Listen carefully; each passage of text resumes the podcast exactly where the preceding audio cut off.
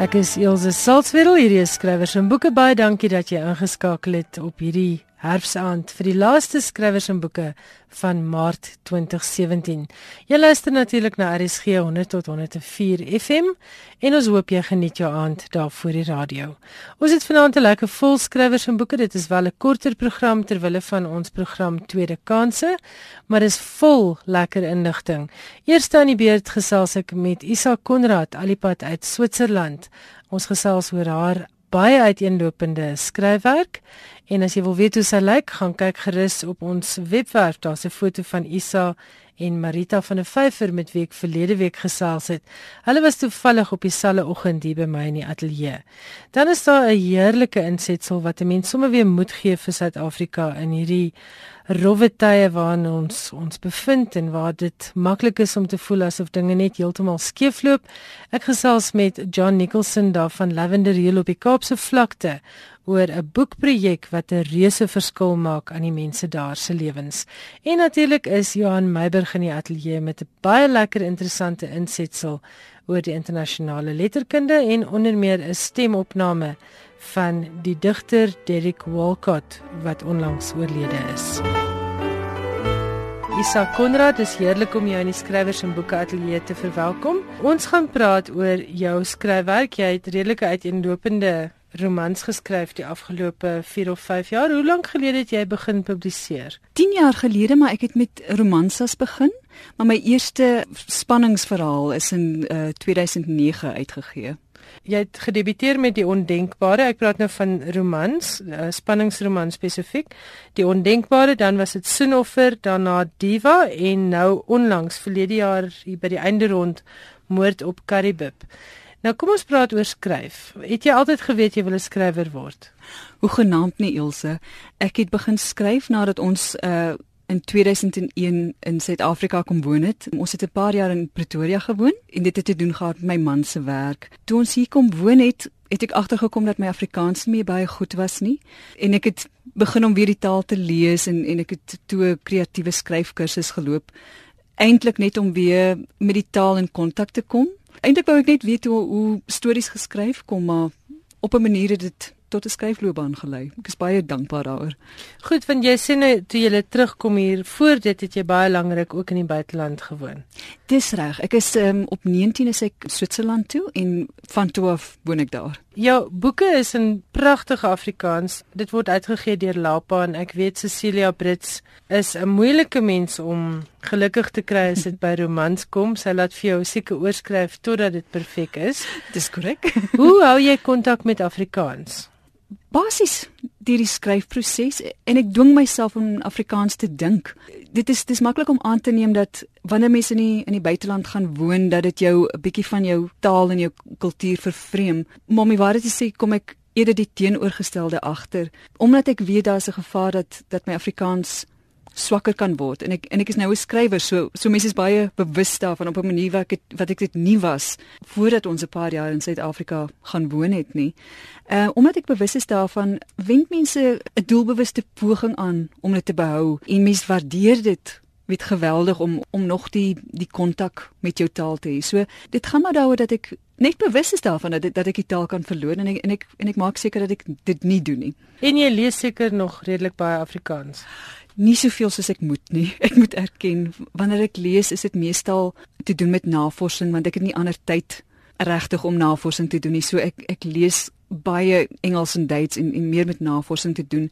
Die Afrikaans wat ek kry is maar basies uit die meesal uit die thesaurus wat wat ek so baie gebruik, moet gebruik wanneer ek skryf net om seker te maak van dinge. Jy het in al vier hierdie boeke waarvan ons nou gaan praat, baie uiteenlopende agtergronde gekies vir jou verhaal om teen af te speel.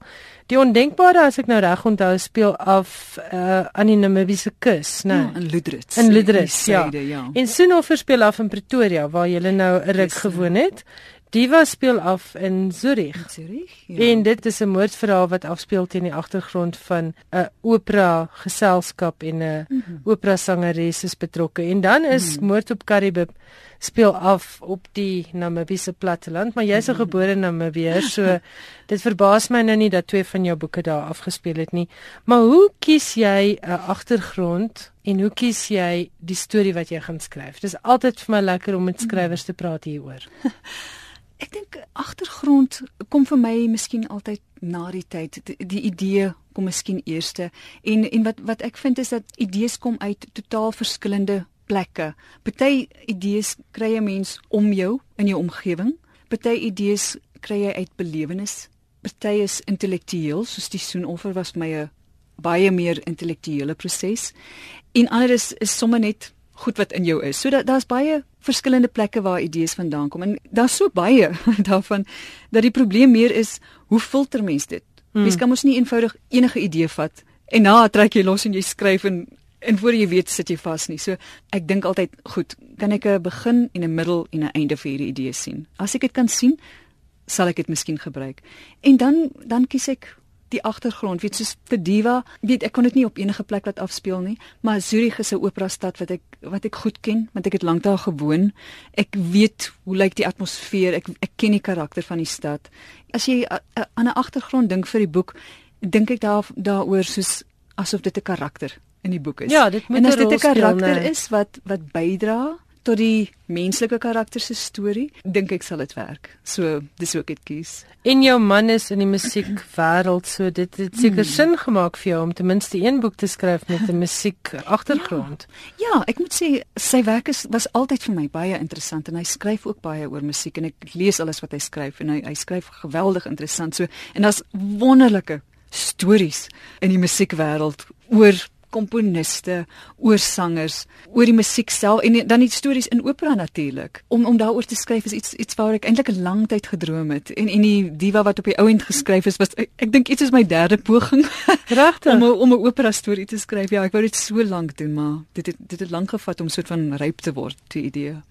Toe jy nou met romanzas begin het, dit is nou heeltemal 'n ander skryf dissipline, 'n ander formaat hmm. as hierdie langer romans wat jy nou skryf, baie meer gestruktureerd rondom die leser se verwagtinge dink ek, want 'n hmm. leser verwag 'n sekere ding van 'n romanza. Was die oorgang vir jou moeilik van liefdesverhale in 44000 woorde na hmm. hierdie langer roman waar jy baie vryer hand het, maar jy het ook weer heeltemal 'n ander soort leser? En nee, dit dit was vir my maklik. Want die ding is 'n uh, romansa, ek dink dit word geweldig onderskat. Dit is omdat, moeilik. Ja, omdat daar geweldige spesifieke verwagtinge is daar. Is dit 'n baie baie gedissiplineerde manier van skryf. Jy het jy het hierdie ek wil dit amper sê, dis dis jy staan in 'n hok en en daar's baie duidelike tralies om jou. Ja. Jy jy kan nie daar uitkom nie so dit dit dit leer mens geweldige dissipline en dit dit leer jou ook om om te weet wat is my genre? Wat hmm. probeer ek hier doen? Weet mens kan nie eenvoudig weet mens kan reëls verbreek met die enkeltitels. Mens mens kan 'n bietjie die reëls buig of 'n bietjie verbreek van 'n sekere genre, maar eers moet jy weet wat is die genre. Hmm. En en dis iets wat mens wonderlik leer in romanza. So dit was vir my of dit is vir my baie meer 'n vryer proses nou wat ek geweldig waardeer, maar die dissipline wat ek geleer het deur die romanse skrywery is onontbeerlik. Hoeveel romanse het jy geskryf? 8. Sjoe. ja, dit is 'n klomp en ek het nou van meer as een skrywer gehoor dat hulle skryf eerder twee vollengte romanse as een romansa. Ja, en my ek moet ook ek my my, my romansas was nie iets om oor huis te skryf nie. ek dink hulle het my hulp gevra om iets anders te doen. Ek is seker dat van jou lesers gaan dalk van jou verskil. Hoe werk jou skryfroetine? Jy het nou gesê waar kom jou idees vandaan, hmm. maar is dit dan 'n geval van jy fors alles na van begin tot einde hmm. of skryf jy en dan dan ontdek jy hierse afdraaipaadjie waaroor jy nou eers bietjie moet hmm. navors of hier duik nou 'n karakter op met wie jy nie rekening gehou het nie. Hoe werk dinge by jou? Ek uh, daar's beslis dinge in die skryfproses wat wat vir my ook nie voorspelbaar is nie. Weet ek doen nie regtig beplanning nie. Ek moet moet eerlik wees. Ek hou daarvan om te improviseer. So ek begin met daai idee wat 'n begin en 'n middel en 'n einde het. Ek gaan berge toe uh waar ek 'n huis het en maak maar net seker dat ek elke dag min of meer op dieselfde tye skryf net om daai rotine te kry. En terwyl ek die storie skryf, doen ek my navorsing. Ek doen dit nie voor die tyd nie. Ek lees soveel boeke as moontlik oor die onderwerp. Ek maak nie notas nie. Op 'n manier dit is eienaardig, maar as mens oor die onderwerp net verskriklik baie lees, op 'n manier dit dit steek vas op op mm. op op 'n manier wat uh wat nie geforseerd is nie. Want daar is dinge wat mens spesifiek op op Google kan gaan raak sien, soos as jy 'n uh, byvoorbeeld 'n kaart nodig het of of geboortedatums of so iets. Maar die hele atmosfeer van 'n boek kom deur die navorsing en en ja, ek vind op 'n manier dit is iets wat outomaties plaasvind. Miskien is dit dat die uh, materiaal in mense onderbewussyn Ek dink so, ek dink en ek dink daar's ook 'n gevaar verbonde daaraan as jy navorsing jy maak notas daaroor want dan kan jy baie maklik dink ek dalk per ongeluk eh, hier en daar plagiaat pleeg as jy iets sou neerskryf. So nee, nee, ek dink dit is veiliger kan, om ja. net te lees en te onthou en te assimileer. Ja, dit, ja, nee nee, dit nie dit is ook dat mense nie wil hê jou materiaal moet soos 'n lesing begin ja, lyk vir die ja. lesers nie. Die lesers wil nie weet wat in die boeke staan nie. Ja. Weet hulle wil die hulle wil die atmosfeer en die die konteks hê, hmm. maar nie lessies nie. Jy weet. Ja, dit weer dit kom weer terug na showing and telling. Jy moet jy ja. moet wys, jy moenie jy moenie net vertel die hele tyd. Ja, dit moet dit moet dit moet lyk asof dis maar net die wêreld uh, waarin jou storie afspeel. Dit moet ongeforseerd wees. Dis makliker gesê as gedaan, maar dis waarvoor mens mik veronderstel ek. Hierdie vier boeke is vreeslik uiteenlopend soos ek nou vir die luisteraars gesê het.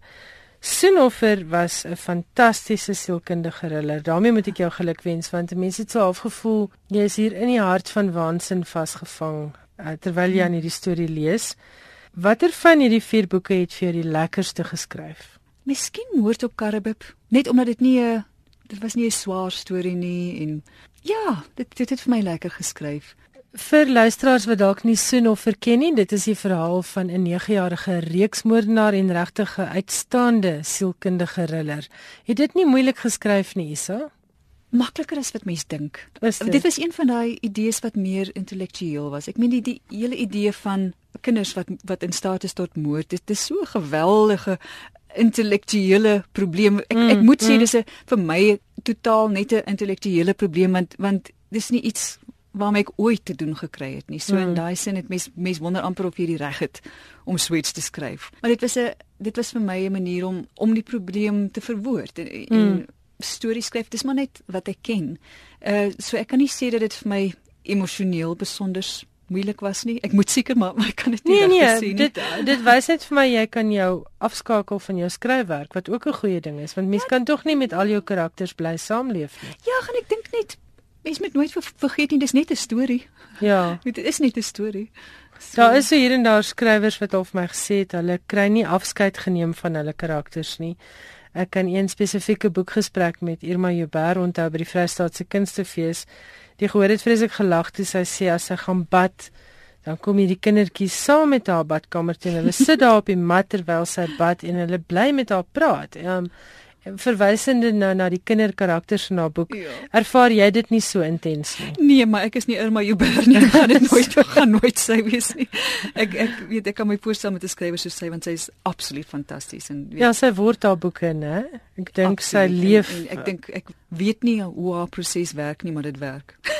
het jy uh in die kreatiewe skryfkursusse wat jy ge, geneem het of gevolg het vertel hulle oor oor skryfproses of is dit iets wat jy maar natuurlik ontwikkel het deur die jare? Uh wel, die kursus gewerk het wat ek gedoen het, ek het dit deur die uh, London School of Journalism gedoen. En mense het basies 'n storie geskryf en dan het dan het jy 'n tutor gehad wat wat hoofstuk vir hoofstuk daardie gegaan het en vir jou gesê het goed hierdie kan beter wees wys vir my die storie moenie vir my die storie vertel nie weet mm, daai tipe mm. van goed maar ek dink mense eie styl is miskien iets wat mens gelukkig deur 'n bietjie die bietjie selfvertroue wat mens as skrywer opbou. Ek kan nie sê dis baie nie, maar mm. die bietjie wat mens opbou is miskien dan die ding wat wat mense styl jou eie eie persoonlike styl maak. En dit ontwikkel met ter tyd en soos wat jou selfvertroue en jou vaardigheid groei, né? Ja, mens hoop so. Mens is nie seker nie, maar jy hoop so. die beste skryfraad wat jy al ooit gekry het. Ek het 'n um, 'n opstel oor skryf gelees deur uh, Kurt Vonnegut. Hy is 'n Amerikaanse outeur en hy het gesê use the time of a total stranger in such a way that they will not feel it was wasted. En dis waarvan ek hou. Ek dink mens moet nederig bly as 'n skrywer want daar's so baie ander mense wat wat dit beter kan doen as jy. Met ander woorde wat jy ook sê is 'n uh, skrywer moet respek hê vir sy leser. Hy moenie sy lesers se tyd mors met wat hy skryf nie. Absoluut. Want die ding is lesers is nie stommerike nie. Soos ons van tevore gepraat het, weet ons ons sit met 'n klomp weet ons Afrikaners eh uh, sit met 'n klomp lesers wat geweldig wyd lees en hulle is totaal tweetalig. Hoekom sal hulle ons boeke lees as hulle beter in Engels kan kry? Ek het verstommende feite raak gelees verlede week in ehm um, 2014. Dis nou ongelukkig die, die nuutste statistiek wat ek kon kry is daar in Suid-Afrika iets soos 10 miljoen boeke verkoop waarvan net 550 000 plaaslike boeke was. Die res is alles ingevoerde boeke. Hmm. En die verstommendste van hierdie dinge is dat 450 000 van daai 550 000 was Afrikaanse boeke. Wat jo. vir my een ding sê en dit is baie skrywers sê vir my Afrikaanse aanhangers is geweldig lojaal. Engelse skrywers met wie ek al op skrywers en boeke gesels het, het vir my gesê, weet ons verkoop nie meer as 2000 van 'n titel nie en dan dink jy hmm. nou aan 'n Dion Meyer wat 50000 verkoop wat nou aan die boonste kant van die spektrum is. Maar iemand soos uh, Irma Jubber en Sofia Kap en Shanet hmm. Paul verkoop 7 of 8000 van 'n titel en hulle aanhangers bly aanhangers vir die res van hulle lewe. So ek dink die lojaliteit van Afrikaanse lesers moet nooit onderskat word nie. Absoluut. Hulle is hulle is lojaal, maar hulle is ook vinnig om vir jou te sê as hulle nie hou van jou werk nie en dit is 'n goeie ding. Ja, hulle gaan nie, hulle gaan nie hulle geld mors op jou boeke as dit nie die moeite werd is nie. En ek dink dit is 'n baie belangrike ding. Of skrywers moet dit in ag neem. Hierdie mense kan koop wat hulle wil koop en jou boek gaan net gekoop word as hy regtig baie goed is. Isa, waaraan werk jy nou? ek werk aan 'n tweede Karibbe boek. Ek het besluit om die om die Karibbe stories. Wel, ek sê dit nou maar ek hoop dit word waar om dit 'n reeks te doen as 'n reeks te doen want ek ek is besig met 'n ander groter boek wat geweldig wat my my dag ek sukkel my mors toe daarmee en ek het gedink ek ek moet iets anders op die kant skryf anders sal ek niks op die rakke hê nie vir jare en dan sal almal vergeet wie ek is. So ja dis dis ek werk aan die twee goed op die op die oomblik. Ek sê nou met my tong stewig in die kies maar Karibus ook nie so groot dat daar 'n uh, hele klomp moorde daar kan plaasvind nie, né? Dis reg, dis wel dit is dis hoekom ek dit gekies het. Want ek het gedink in elke boek moet mens dan dis die grap van elke boek. Weet, hoe gaan jy met nog 'n lijk in Karibus, in Karibus sit? Want die Precies. lesers, die luisteraars wat dit nie ken nie, Karibus is 3000 denk, mense. Is dit so baie? Ja, glo dit of nie. Oor dit daar daar is nou al 3000 mense toe ek, ek weet, daar toe ek laas daar was was daar miskien 100. Ja, ek, ek dink toe ons ons het nou net daar gelag want ons is ek gedink ek sal hulle uitdin. O, so goed. teen die teen die einde van Isak Konrad se reeksboeke is daar weer net 100 mense oor. Isak, dit was vreeslik lekker om jou in die skrywers en boeke ateljee te hê. Sterkte met al die werk wat jy in Afrikaans doen uit die buiteland uit en ek hoop om jou binnekort darm weer hier te ontvang met nog 'n nuwe boek. Baie dankie Ilse, dit was 'n voorreg. En so gesels Isak Konrad, sy het vir ons kom kuier hier by die ateljee Alipad uit Switserland. As jy meer oor haar en haar boeke wil weet, gaan loer gerus op die webwerf van Lapa wat haar boeke uitgee. Hulle is by www.lapa.co.za. In 'n tyd waarin ons gebombardeer word deur slegte nuus, as jy die koerant oopmaak of jy lees op Twitter of Facebook iets dan is dit negatiewe nuus oor wat op die oomblik in die land aan die gebeur is. Maar hier's 'n wonderlike stukkie goeie nuus daar uit Lavender Hill op die Kaapse vlakte. Pastoor John Nicholson en sy vrou Gail het in 2005 besluit dinge kan nie so aangaan in Lavender Hill nie. Vir die wat nie weet nie, dit is 'n deel van die Kaapse vlakte wat erg deurloop onder armoede en bendegeweld en al die ander sosiale ewels wat daarmee saamgaan. En Gail en John kon net eenvoudig nie sit en niks doen en kyk dat die kinders om hulle vergaan nie. Toe begin hulle 'n huisbiblioteek met 25 boeke. En vandag staan hierdie biblioteek op 'n paar duisend boeke, maar meer nog, dit het 'n toevlugsoord geword vir die kinders van Lavender Hill. Hulle kan na skool in die middag daar kom huiswerk doen en naslaan vir take en vir die heel kleintjies word daar smiddag na skool gelees en 'n liefde vir boeke gekweek. Ek gesels nou met pastoor John Nicholson van Lavender Hill. Pastoor, baie welkom by RSG by Skrywers en Boeke. Baie dankie dat jy vanaand met ons gesels. Baie dankie vir die kans om saam met u te gesels en ook die luisteraars. Vertel vir ons van julle projek en gee dan net ook so 'n bietjie agtergrond oor Lavender Hill asseblief. Die naam van ons projek is Omega View. Ons het gebesluit op op hierdie naam spesifieke naam omdat God is die begin en ook die einde, hy is die Alfa en die Omega. En dis een van die redes hoekom ons die, projek begin het is van ons wil 'n einde bring aan alles wat pyn in ons gemeenskap, alles wat 'n mishandeling of dit nou drankmishandeling is, dwelmmishandeling, seksuele mishandeling en ook 'n einde bring aan die feit dat baie mense nie iets het om te eet of om aan te trek sodat ons uh, 'n uh, seën kan bekom vir baie mense in ons gemeenskap. Want as as ons hoor van Lavender Hill dan gee ons area nie so 'n uh, lekker reuk af op die oomblikie en dit is en dit is wat ons wil doen. Ons wil die lelie wees in Lavender Hill sodat ons sonskyn kan bring aan baie mense wat dit benodig op 'n daglikse basis. Hoekom het julle besluit op boeke?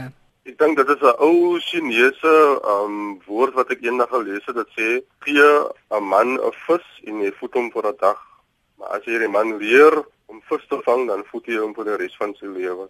En dit is ons missie en ons visie en dit getuig ook in die skrif in ek dink is Jakobus 2:15 waar dit sê as daar nou 'n broeder of suster naak is en aan die daaglikse voedsel gebrek het en een uit julle sou vir hulle sê gaan heen in vrede word warm word versadig maar julle gee hulle nie wat die liggaam nodig is nie wat baat dit.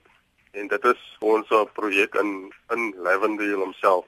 Lavendale gaan nog baie verander en ons wil pad en deel wees van die van die goeie verandering wat nog gaan plaasvind in Lavendale So julle het begin met 25 boeke en julle idee was om die kindertjies van die straat af te kry en hulle op 'n gesonde manier besig te hou om hulle kennis te gee en hulle te bemagtig. Waar trek julle nou met die boeke en die biblioteek wat julle self begin het?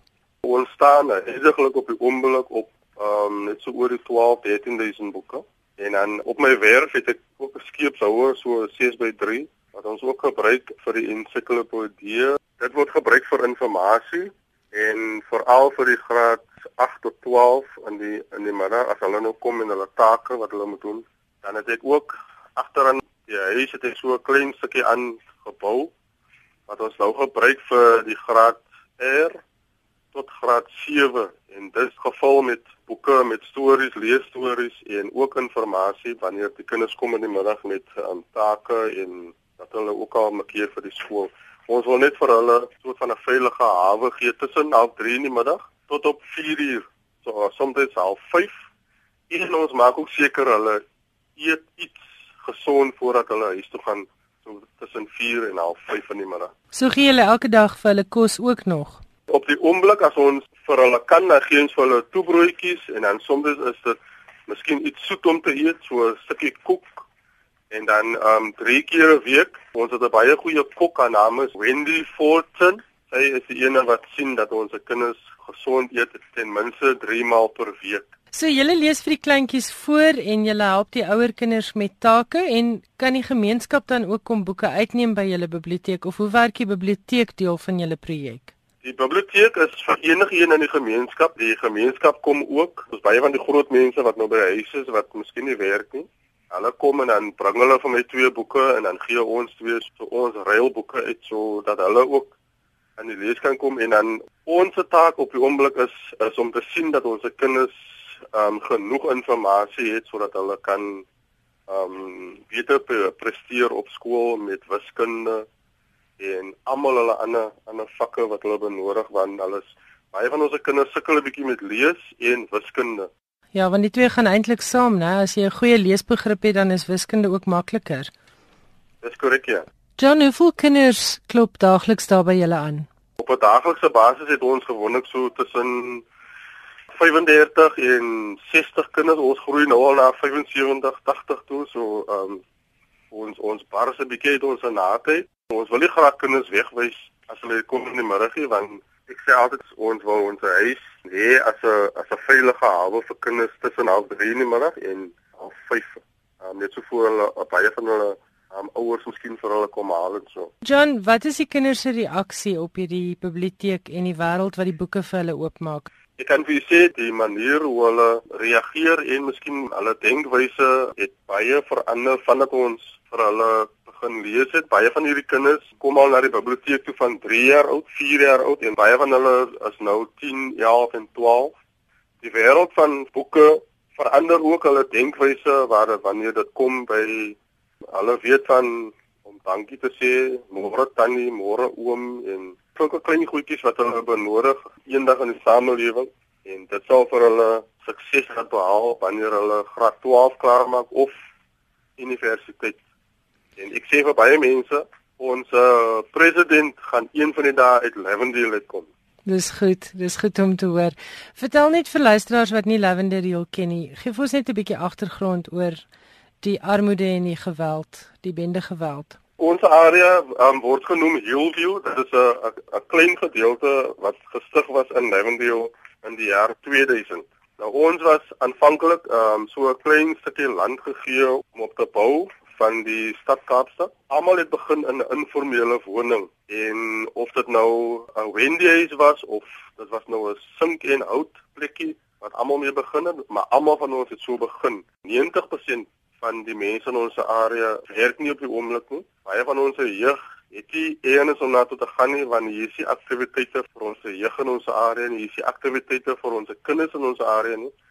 Dis hoekom ons biblioteek is ook oop wanneer die skool sluit dan het ons 'n program van 10:00 die oggend tot 12:00 die middag en dit is om die om die kinders besig te hou met sport en speletjies. Enige soorte speletjies van kennetjie tot drie blikkies en dan um, hou ons hulle besig so vir 2 ure of twee soms 2 en 'n half ure.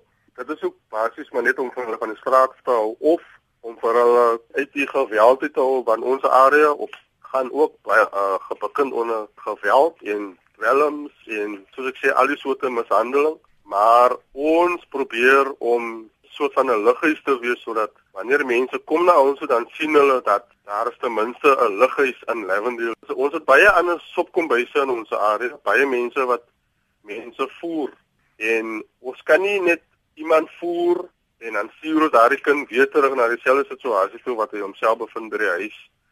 So ons moet 'n verskil maak as ons vir hom hier, vir hom of vir haar hier dissipline kan leer en dit is wat hy op sy huis toe vat dissipline. Ek ek moet leer om dankie te sê ek moet leer om te sê môre tannie môre oom en dit is wat ons in hulle harte wil invul sodat op die einde van die dag wanneer hulle die advokate en die hoë mense in hoë posisies is eendag wanneer hulle gaan werk dan kan hulle sê dit is waar alles begin in by die biblioteek in Lavendale Het jy groot geword met boeke of hoekom is dit vir jou en Gail so belangrik om die kinders aan boeke bloot te stel?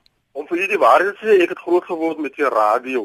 My ma kon nie ehm um, televisie bekostig nie. En in die 70er jare het ek geluister na Esme Evra en dan ook goeie programme soos Squad Cars in op 'n Vrydag aand. Dit was nog ons uh, detective stories geweest. Dan so maak mense het ons graag geluister. So Baie van hierdie programme het het 'n impak in my lewe gehad. Ek is die oudste van 5 kinders. Alhoewel ek nog op skool was, moes ek gesien het dat my een broer en my ander drie susters dat hulle aangetrek is, dat hulle gewas is. My ma het domestiek werk gedoen. Sy het baie ver van die huis af gewerk, so en dit was maar twee keer, twee keer 'n week. So dit was my taak om te sien dat die huis skoon is, dat daar naaldwerk gedoen word. Um, as dit moet dan moet dit gebrei word so ek ken so 'n bietjie van alles. Sjoe, jy klink nou 'n baie handige man om te ken. John, jy is stofeerder van beroep en jy leer ook vir die kinders jou werk. My einddoel van die stofeerwerk is ek wil graag vir 'n vir 'n paar van ons jeug ook hierdie soorte werk wil ek vir hulle vir hulle leer sodat hulle kan gaan na plekke toe, 'n sertifikaat kry en na 'n plek toe gaan waar hulle ook werk kan kry sodat hulle ook aan aan die werk kan kom en dit is my einddoel van van die stofeerwerk. Ek wil terugkom na die boeke. Waar het die idee vandaan gekom om met boeke 'n verskil te begin maak? Toe ons intrek in hierdie area, ek het ek het baie skel gekry oor oor kuilse komperse, because ek het sommer die komperse net so op die werf gegooi en dan het ek so 'n paar kinders geroep en vir hulle net gevra kom lees saam met ons as julle nie kan lees nie. Ons sal vir julle die storie voorlees en dan soos die tyd aangaan dan dan begin jy op jou eie te lees. Boeke vat 'n mens net na na 'n verskillende wêreld toe as as wat 'n mens nou jouself bevind. Uit Lavendale in New York binne in 2 tot 3 minute. In China, in Duitsland, in Rusland, afhangende van die storie wat 'n mens lees, dan vind 'n mens jouself binne in hierdie storie. Dit is dieselfde wat gebeur het met die radio ons het gesit lank aan die radio dan verbeel ons vir ons ons is part en deel van die storie wat nou plaasvind op die radio. So dit is 'n manier van ontsnapping en ontspanning. Dis korrek. Ja. John, wat kort julle? Het julle nog plek vir nog boeke? Jy sê julle het baie, maar ek neem aan die vraag na boeke is ook groot. Die vraag na boeke is altyd groot, maar wat ons ons grootste nood op die oomblik is vervoer. Ons het nie ons het 'n groot probleem. Ek gaan vir sê hoekom mense bel van Stellenbosch, um Pero, Blackheath, Durbanville, dan vra hulle of as ons miskien donasies kan kom haal, dan kan ons nie gaan nie want dan moet ek iemand 400, 500 rand betaal om dit te gaan haal en dan uh, moet ek maar die ene bel en sê jammer, ek kan dit nie gaan haal nie want want ons uh, projek het nog nie ons eie vervoer nie. So my aanvraag daar enige ene luister en daar staan miskien 'n 'n 'n motor in die in die in die motorhawe wat miskien al stof trek, hulle kan hom maar aanvuur, ons sal hom gebruik. John, jy het ook 'n bibliotekaresse wat julle kom help. Dis korrek ja. Um, ons bibliotekaresse se naam is Karen Loos. Sy het um, uitgehelp met boeke by Biblioneef wat die internasionale biblioteke is. En dan omdat sy 'n groot kennis het van boeke en hoe om boeke oor te trek, hoe om boeke te hanteer, sy ook 'n groot help in ons biblioteek en en is ook een van die vrywilligers om te sien dat ons boeke in 'n goeie toestand bly. Die kinders wanneer hulle die boeke hanteer, hulle weet hulle hande moet skoon wees Ehm um, hulle weet hulle moet netjies wees en en dit is ook een van een van die doele wat ons voor ons het is om te sien dat ons kinders altyd netjies is wanneer hulle na die biblioteek toe kom. Wanneer hulle die boeke hanteer, dan ehm um, Karen is altyd by die hand om hulle te wys en om hulle aan te sê dit is hoe ons mense boeke hanteer want ehm um, jou jou boek moet soort van die boek wat jy lees moet soort van jou vriend bekom. Ja, dis baie waar. John, jy's 'n baie inspirerende man, baie voorspoed met jou en Gail se projek. Sê ook vir julle seuns Ryan en Chadwin wat ook betrokke is, baie geluk en baie dankie. En ek gaan probeer reël dat luisteraars vir jou boeke bymekaar maak en by julle besorg. As mense vir jou wil kontak, hoe maak hulle? Ons um, e-posadres is o m e g a omega view v i e w in woord @yahoo.com. Dit is dan John Nicholson se e-posadres omegaview@yahoo.com. As jy in die Kaap woon en vir John wil help om hulle huisbiblioteek daar in Lavender Hill uit te brei sodat meer kinders uit die bende geweld en uit die armoede kan ontsnap met 'n goeie boek. John, baie voorspoed en baie dankie dat jy met skrywers en boeke gesels het. Baie dankie, gesiene dag vir u verder.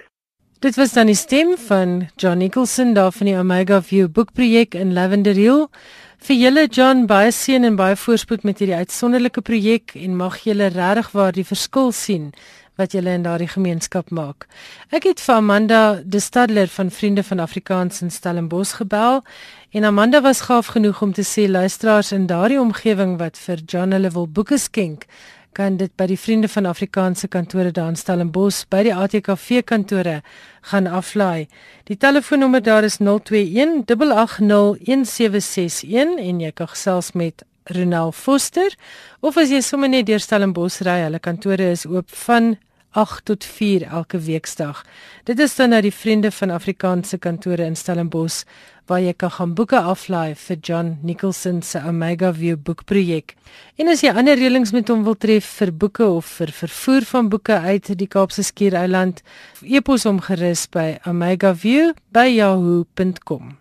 En baie dankie ook aan die ATKV wat projekte soos hierdie die nodige erkenning en ondersteuning gee. Omega View is vir die jaar bekroon met 'n ATKV woordfeertjie vir leesbevordering in hulle gemeenskap.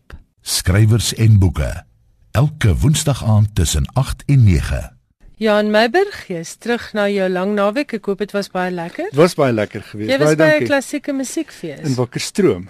En wat wonderlik was. Kan jy dit aanbeveel? Inderdaad so. Ja, nee, dit is 'n ding wat 'n mens jaarliks kan bywoon. Goed. Wat is jou internasionale letterkunde nuus vir hierdie week? Ek begin met ehm um, Derek Walcott, die digter. Derek Walcott se uitgebreide heelal het om 'n besondere klein son gedraai. Die eiland van St. Lucia in die Karibiese See. Dit was die rooie plante groei, die verblindende wit strande en die multikulturele erfenis van die eiland wat neerslag gevind het in sy poësie. Van die kort liriese gedigte tot sy epiese verse. So skryf The New York Times oor die digter wat op 17 Maart dood is in die ouderdom van 87. Hoewel hy wye draaie gegooi het en klas gegee het aan Boston, Columbia, Rutgers en Yale, het hy homself altyd gesien as 'n Karibiese skrywer met 'n Karibiese identiteit en 'n selfvertroue dat die identiteit ruimte kon maak vir die volle spektrum van menslike belewenis. Derek Walcott is in 1930 op St. Lucia gebore en in sy voorgeslagte is vele lyne van die Karibiese geskiedenis verweef. In die gedig The Star Apple Kingdom van 1980 skryf hy dat hy Dutch, Nigger and English in hom ronddra en dat hy of niemand is of 'n nasie. Sy oumas was albei van slawe afkoms. Walcott was een toe sy pa dood is en sy ma die hoof van 'n metodiste skool het verseker hy kry 'n stewig koloniale opleiding. Dit was sy ma wat hom geld gegee het om op 19 sy eerste digbundel te publiseer. Walcott was ambisieus in sy benadering tot poësie. In sy skryfwerk het hy al die grootes, Homerus, Chaucer, Shakespeare, Dante, noem maar op, as sy gelykes betrek. The New York Times verwys na 'n Karibiese grandeur waaroor Walcott beskik het en wat hom waarskynlik aangespoor het om Homerus 'n epiese gedig van meer as 300 bladsye te skryf met eenvoudige Karibiese vissermanne en 'n taxi-bestuurder wat die plekke inneem van die helde van antieke Griekeland. Die boek het in 1990 verskyn en 2 jaar later is die Nobelprys vir letterkunde aan Walcott toegekend. Voordat ons luister hoe Derek Walcott die eerste deel van die eerste hoofstuk van sy Homerus voorlees, die opmerking van die gevierde digter. Vir al wat 'n digter is, is dit altyd vroegoggend in die wêreld. Geskiedenis is 'n vergete, slaaplose nag. Verwondering is waarmee 'n mens telkens begin. Dis die lot van poësie om verlief te raak op die wêreld, ondanks geskiedenis. Homerus, Book 1, Chapter 1 This is how one sunrise we cut down them canoes. Philoctet smiles for the tourists who tried taking his soul with their cameras. Once wind bring the news to the Laurier Canal, the leaves start shaking the minute the axe of sunlight hit the cedars because they could see the axes in our own eyes. Wind lift the ferns. They sound like the sea that feed us fishermen all our life. And the ferns nodded, yes. The trees have to die. So, fists jam in our jacket, cause the heights was cold and our breath making feathers like the mist, we passed the rum. When it came back, it gave us the spirit to turn into murderers. I lift up the axe and pray for strength in my hands to wound the first cedar. Dew was filling my eyes, but I fire one more white rum. Then we advance. For some extra silver under a sea almond, he shows them a scar made by a rusted anchor, rolling one trouser leg up with the rising moan of a conch. It has puckered like the corolla of the sea urchin. He does not explain its cure. It have some things, he smiles, worth more than a dollar.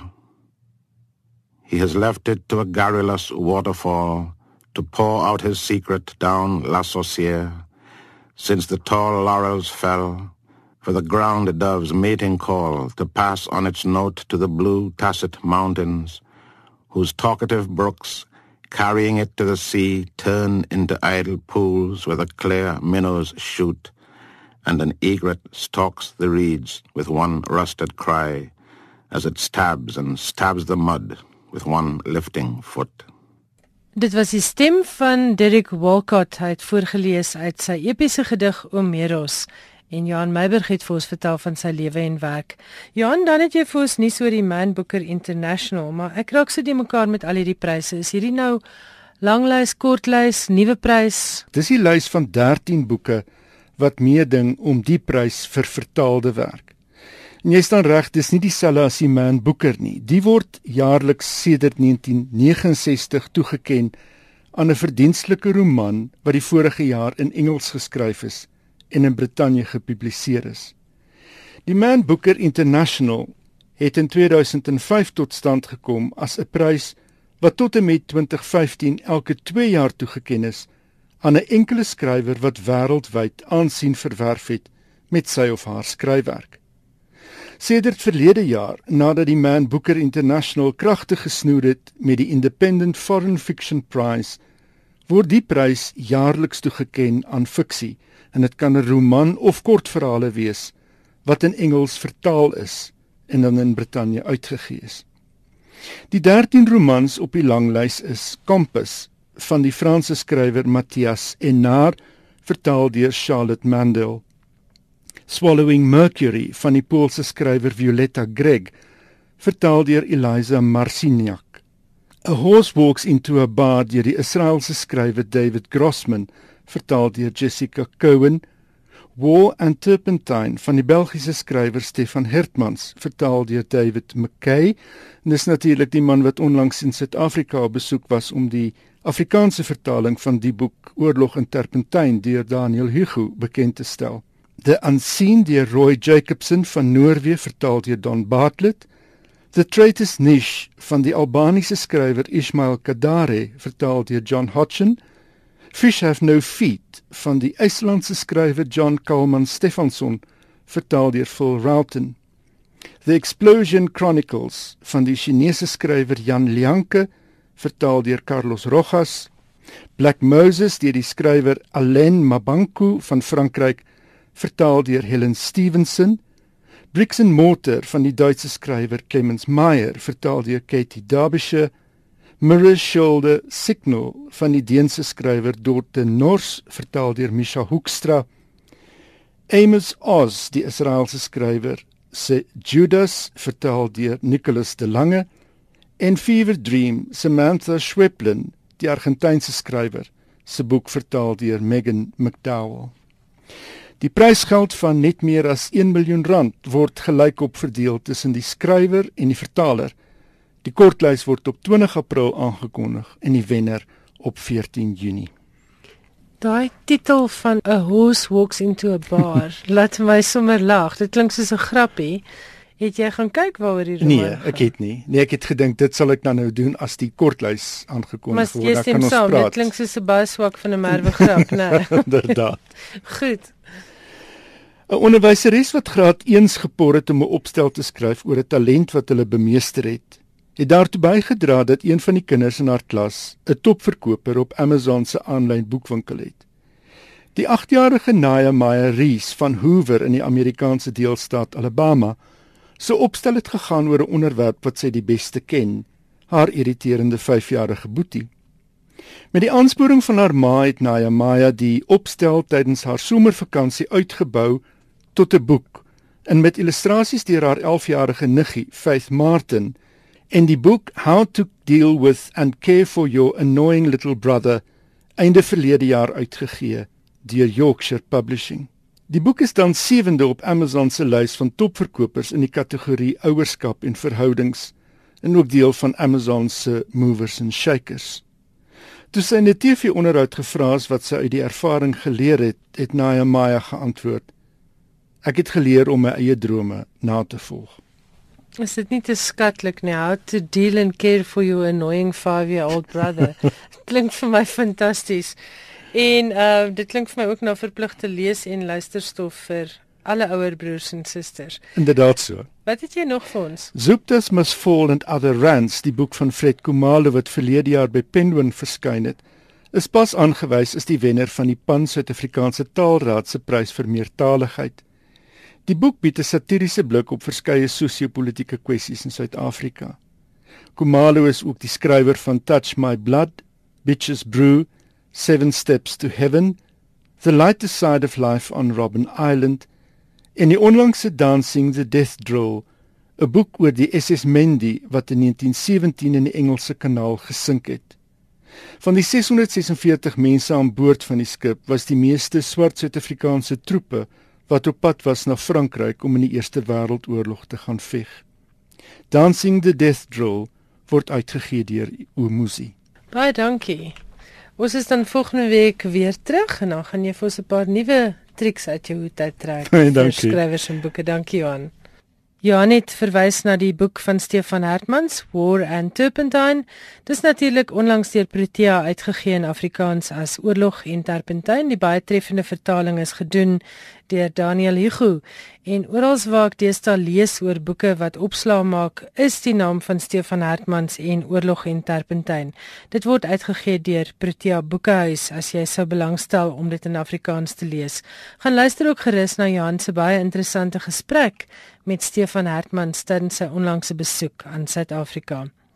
Hierdie is dan skrywers en boeke. Ek is Elsje Saltzfeld. Ek moet nou groet tot volgende Woensdag aand wanneer ek gesels met Wilna Adrianse oor Eindspel, die opvolg van haar baie gewilde misdaadroman Dubbelspel.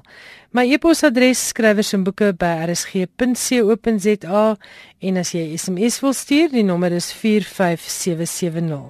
Tot volgende week dan, dieselfde tyd, Woensdag aand om 8uur, net hier op RSG groet ek, Elsje Salzwetel. Totsiens.